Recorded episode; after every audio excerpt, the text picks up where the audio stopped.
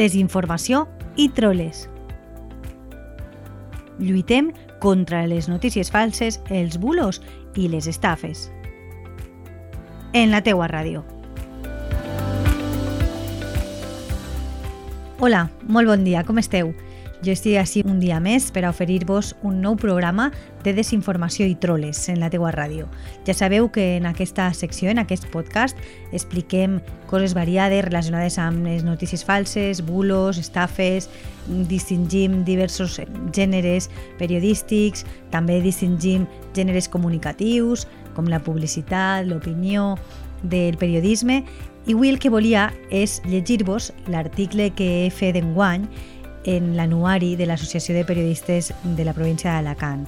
Per a mi és un plaer molt gran i un honor participar en aquesta publicació perquè des de ja fa molts anys ho faig cada any i hi ha un gran nombre de professionals al darrere. A més a més, enguany és una data molt important perquè l'Associació de Periodistes de la província d'Alacant complix 120 anys. Per això, avui vull aprofitar aquesta oportunitat i en el cinquè capítol de Desinformació i Troles vull parlar-vos del meu article, que a més a més està relacionat amb això. Es titula La desinformació i la importància de la veritat. Comencem!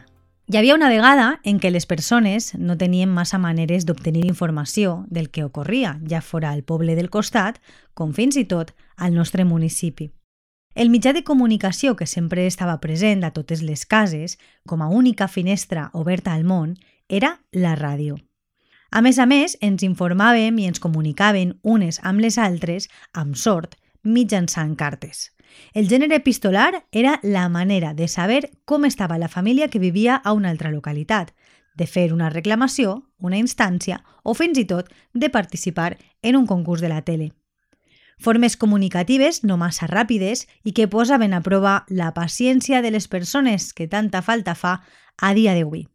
Més endavant, aquells més afortunats aconseguien informació gràcies al telèfon fix que potser alguna veïna del carrer tenia a sa casa i a través de l'únic televisor que va arribar al veïnat. Temps no tan llunyans en els quals la informació arribava a les llars espanyoles de manera molt limitada, a comptagotes, moltes vegades des d'un únic punt de vista i sempre, sempre de manera unidireccional. En els darrers temps, les xarxes socials han ajudat a connectar-nos els uns amb els altres. L'essència primera d'aquestes plataformes era això mateix, comunicar-nos fàcilment, saber, per exemple, que és d'una amiga a la qual fa anys que has perdut la pista, retrobar a familiars, compartir el dia a dia amb coneguts... No obstant això, algunes d'aquestes aplicacions que tenim als telèfons mòbils han derivat en un gran aparador on trobar informació d'altres persones de tot tipus, unes altres han aconseguit que no calga telefonar, ja que la missatgeria és més instantània que mai, i també podem enviar ràpidament i còmodament fotos, arxius i àudios. En aquesta app, en concret, a més a més, l'altra persona pot saber si has rebut el missatge, si l'has llegit i si no contestes perquè no vols, la qual cosa genera un nou concepte d'esclavitud, en tenir la necessitat de contestar el més pronte possible. Així, en ple segle XXI, si fem la mirada enrere, podríem pensar que els ciutadans i ciutadanes han viscut una gran revolució en matèria comunicativa. Des del moment en el qual tothom porta un petit ordinador a la butxaca, la informació està molt més accessible pràcticament per a tothom, 24 hores al dia i des de tots els punts de vista possibles. Aleshores, és aquesta l'època de la informació? Nombrosos estudis i la pròpia observació de la societat ens indica una resposta un tant desconcertant. El canvi s'ha produït en molt pocs anys i no ha donat temps a educar a la població per a viure amb aquest cúmul constant d'informació i per a saber com gestionar-la. A més, qualsevol persona pot difondre informació de qualsevol tipus en temps real i amb una estètica molt professional. Per aquesta raó es pot afirmar que és aquesta l'era de la desinformació, amb un gran nombre de notícies gens contrastades, algunes de les quals són fins i tot falses, per a generar confusió en la resta de ciutadanes i ciutadans. Les fake news ens bombardegen constantment cada vegada que obrim el navegador per a buscar qualsevol assumpte. El repte està en saber distingir el gra de la palla i aconseguir una informació de qualitat contrastada i real. És en aquest moment on juguen el paper fonamental els periodistes, els mitjans de comunicació, les fonts, el tractament de la informació – molts ciutadans trien actualment informar-se consultant únicament les xarxes socials. Això pot esdevenir en un gran perill perquè cal reconèixer que els algoritmes són els verdaders responsables d'allò que veiem a les nostres xarxes socials, els quals fan servir les cookies que anem acceptant per aquí i per allà. Així, ens mostren una suposada realitat, l'actualitat que més ens interessa o que més té a veure amb els nostres interessos. Però això no és la realitat, amics, ni l'actualitat tampoc.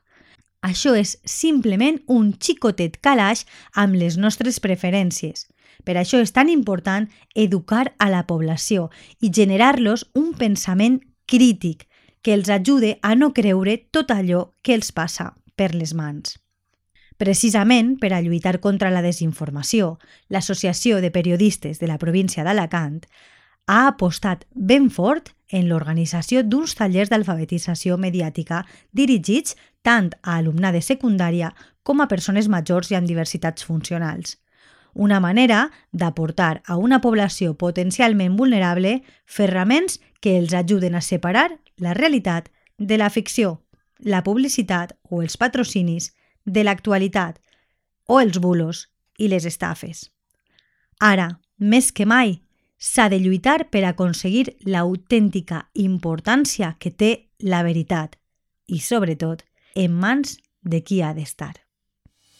I després de llegir-vos el meu article en l'anuari de 2023 de l'Associació de Periodistes de la província d'Alacant, espere haver-vos fet reflexionar, espere que vos hagi agradat i, com sempre vos dic, entre tots lluitem contra la desinformació estiguem molt atents amb els ulls molt oberts per a que no ens la colen. Ens retrobem la pròxima setmana amb el pròxim capítol de Desinformació i Troles en la teua ràdio. Gràcies per estar. Desinformació i troles. Lluitem contra les notícies falses, els bulos i les estafes. En la teua ràdio.